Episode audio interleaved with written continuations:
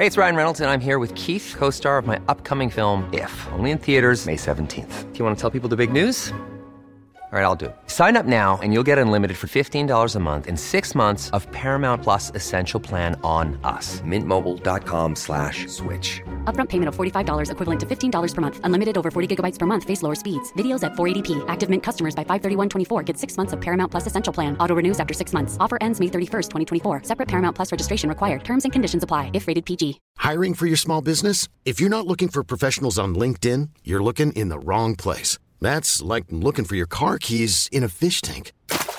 LinkedIn helps you hire professionals you can't find anywhere else, even those who aren't actively searching for a new job but might be open to the perfect role. In a given month, over 70% of LinkedIn users don't even visit other leading job sites. So start looking in the right place. With LinkedIn, you can hire professionals like a professional. Post your free job on linkedin.com slash achieve today. Since 2013, Bombas has donated over 100 million socks, underwear, and T-shirts to those facing homelessness. If we counted those on air, this ad would last over 1,157 days. But if we counted the time it takes to make a donation possible, it would take just a few clicks. Because every time you make a purchase, Bombas donates an item to someone who needs it. Go to bombas.com slash ACAST and use code ACAST for 20% off your first purchase. That's bombas.com slash ACAST. Code ACAST. Du lytter til en podcast fra TV2.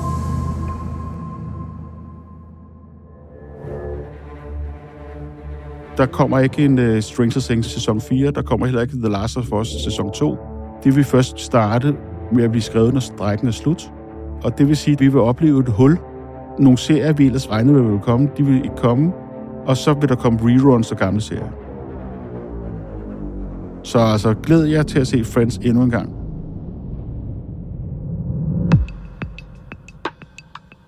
Hvis du går og venter på næste sæson af Stranger Things, så kan det godt være, at du skal vente i lidt lang tid. For manuskriptforfatterne til serien har valgt at strække sammen med 11.000 af deres kolleger i Hollywood. De strækker blandt andet, fordi de er bekymrede for, at kunstig intelligens fremover vil få æren for de film- og tv-manuskripter, som de har lavet. Det er dato i dag. Mit navn er Camilla Stampe.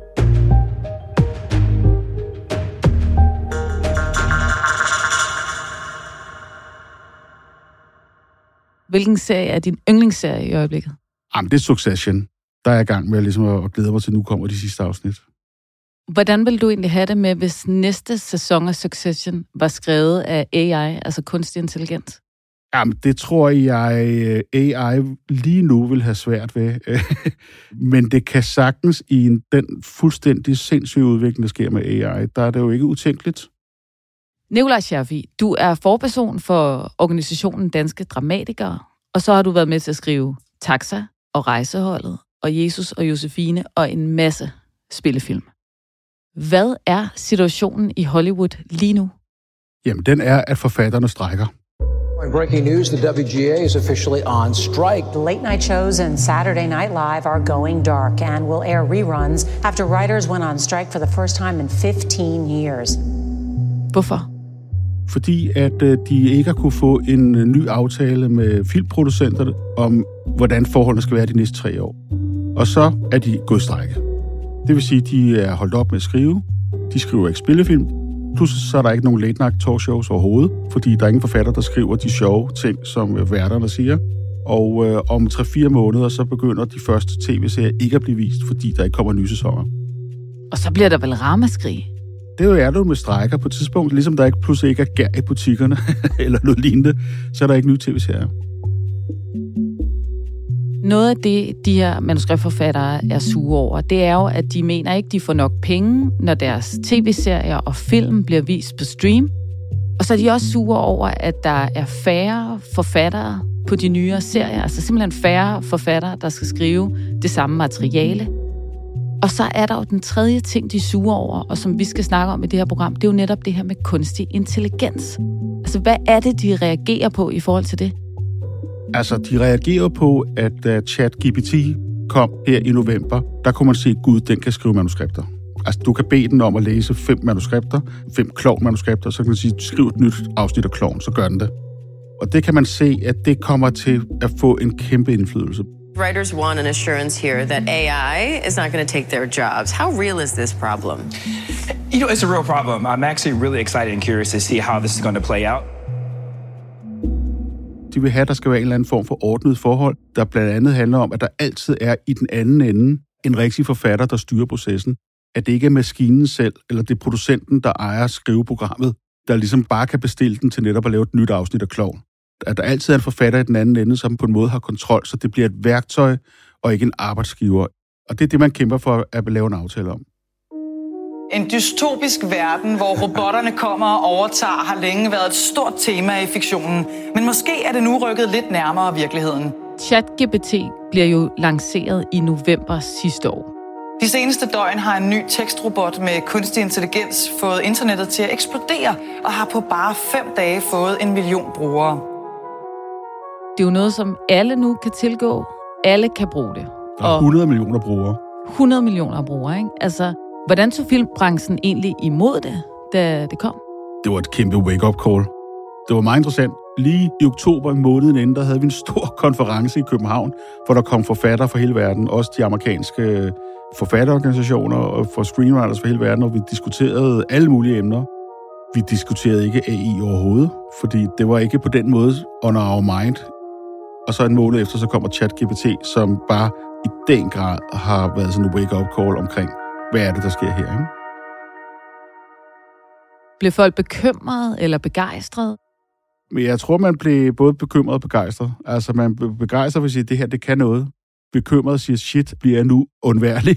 Kan jeg nu ligesom erstatte af en computer? Og så kan man sige, så begyndte tankerne at sige, jamen, hvordan kan man lave nogle aftaler om, hvordan det skal bruges, hvor man faktisk bruger det kreativt, men man sørger også for, at der stadig er mennesker involveret i, som ejer det materiale, der kommer ud i den anden ende.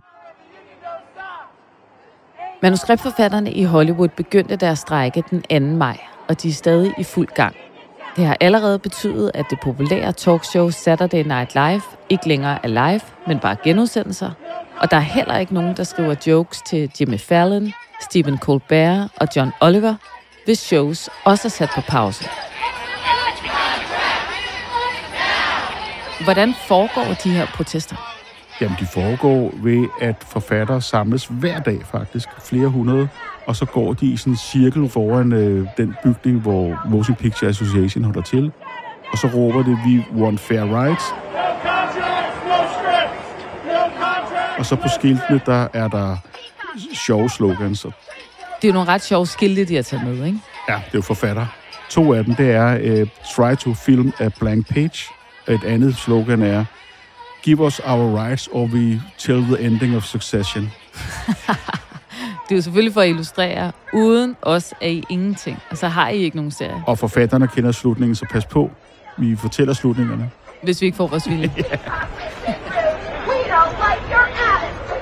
Hvad har der været af reaktioner på de strækker, altså nu især i USA? Der er meget sympati. Selv Joe Biden har været ude og erklære sympati om at sige, at man skal behandle forfatterne ordentligt. This is an iconic, meaningful American industry, and we need the writers and all the workers and everyone involved to tell the stories of our nation and the stories of all of us. Det er dem, der fortæller vores historie. Forfatterne er vigtige. Det er dem, der på en eller anden måde binder vores tid sammen og giver os de historier, der fortæller om, hvad det er for en tid, vi lever i. Så det har han været ude at sige til en pressekonference. Og på den måde tror jeg, at der er en stor sympati for forfatterne, at man skal behandle forfatterne ordentligt og give dem ordentlige arbejdsvilkår. Fordi de i virkeligheden laver det grundmateriale, som er noget af det vigtigste, der binder os sammen. Det er de store tv-serier og filmfortællinger, som øh, fylder så meget. Det var også det, vi selv oplevede under corona, hvor pludselig film og tv og fællessang blev enormt vigtigt for os, fordi det er det, der binder os sammen, og som giver os en, en fælles kulturel identitet. In the quaintest corner of Middle Earth, embark on an epic journey unlike any you've experienced before. På YouTube kan man finde virkelig mange hjemmelavede AI-videoer, som er sindssygt overbevisende. En af dem er en trailer til en ny Ringnes Herre-film. Sådan som den ville se ud, hvis den amerikanske filminstruktør Wes Anderson havde lavet den.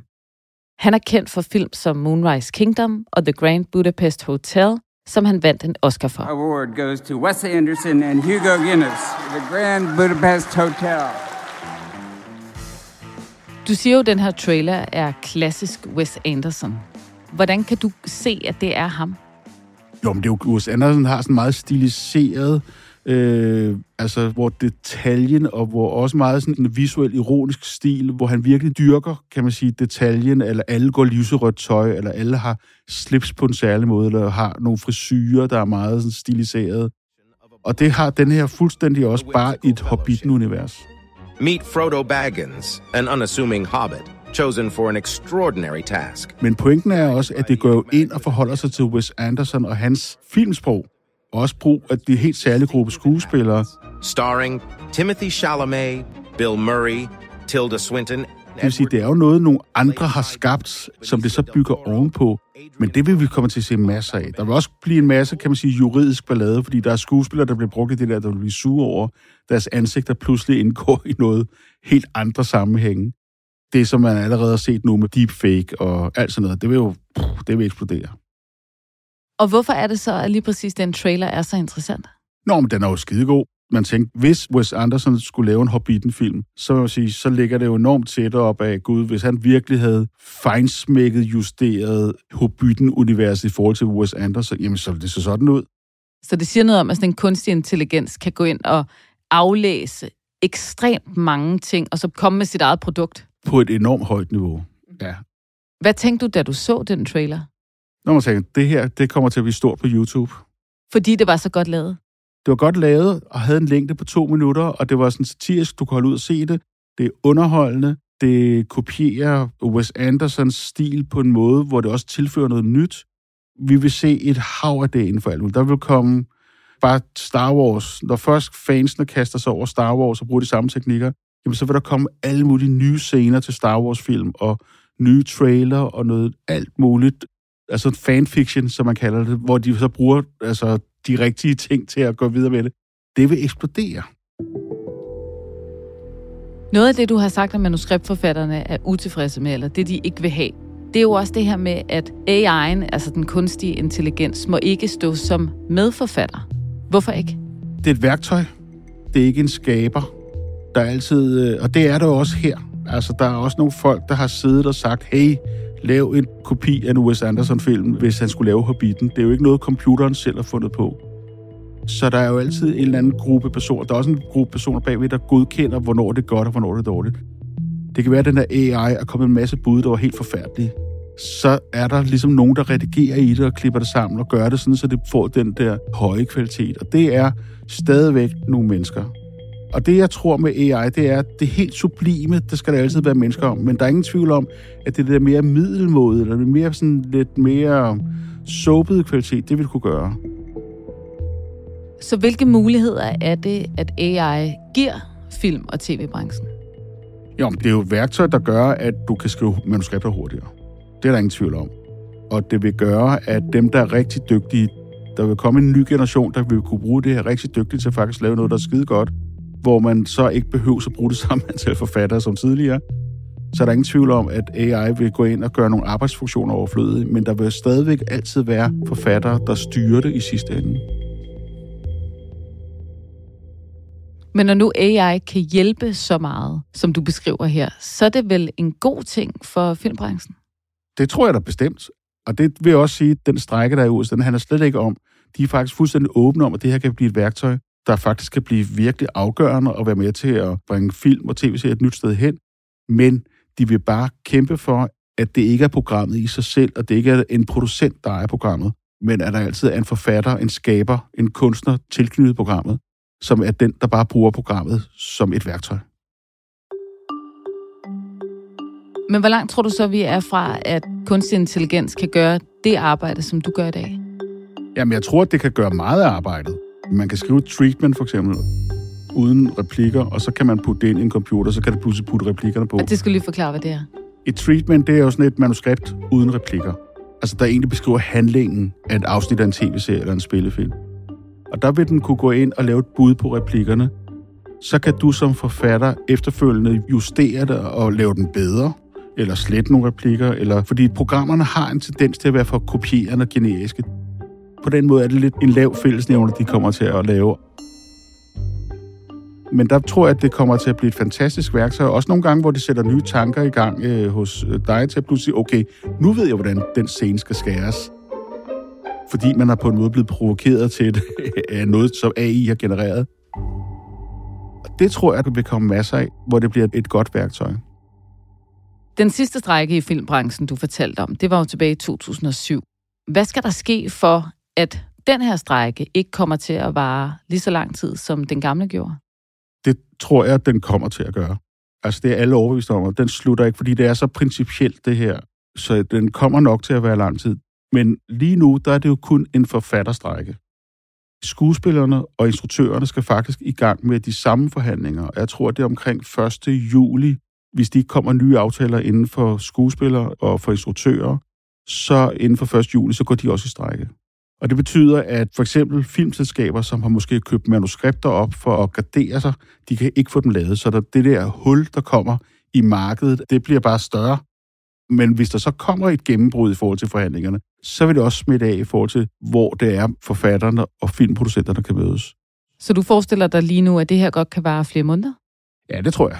Alle snakker om, at det kan vare op til 100, måske 200 dage. Til en gang i efteråret. Hvordan tror du, kunstig intelligens bliver brugt i filmbranchen om 5 eller 10 år? Lige nu går tingene så hurtigt, så, så det er jo helt sindssygt, at det her omkring de her skriveprogrammer, det var så noget, man regnede med, at det ville noget, der var langsomt komme i gang. Men pludselig så gik det vum, så kom chat-GPT, og kunne sige, hallo, det går stærkt nu. Så det er virkelig et gennembrud. Men der er ingen tvivl om, at inden for, kan man sige, visuel digital produktion, kommer det til at få en ekstrem betydning. Nikolaj, hvis du nu skulle bede ChatGPT om at skrive et manuskript til dig lige nu, hvor du bare kunne indtaste lidt oplysninger, og så skulle du have et filmmanuskript ud i den anden ende. Hvilken film vil du så bestille? Så vil jeg bede den om at levere et manuskript, der skulle foregå i vores tid om 10 år. Og så skulle den indarbejde alt, hvad der er af sådan fremtidsudsigter for, hvordan vores verden ser ud. Så vil jeg, ud fra det materiale, den kommer frem med, der vil jeg prøve at lave en science fiction film, som vil være vild, men vil også tage udgangspunkt i vores verden. Det er jo sådan en genre, vi ikke har lavet herhjemme så meget. Der er lige lavet nogle enkelte forsøg, men det er for noget, jeg synes kunne være sindssygt spændende.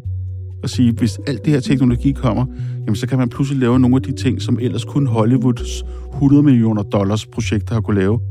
Det kan man faktisk lave nu her ved hjælp af computerteknologi. Så hvad vil du helt præcis skrive til chat-GPT'en?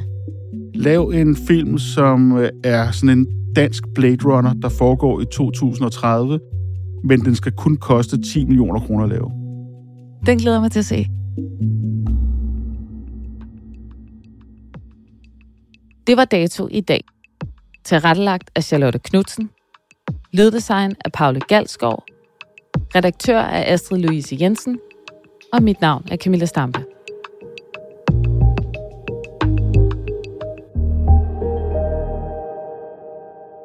Du har lyttet til en podcast fra TV2. Planning for your next trip? Elevate your travel style with Quince. Quince has all the jet setting essentials you'll want for your next getaway, like European linen, premium luggage options, buttery soft Italian leather bags, and so much more. And it's all priced at 50 to 80% less than similar brands. Plus, Quince only works with factories that use safe and ethical manufacturing practices. Pack your bags with high-quality essentials you'll be wearing for vacations to come with Quince. Go to quince.com slash trip for free shipping and 365-day returns.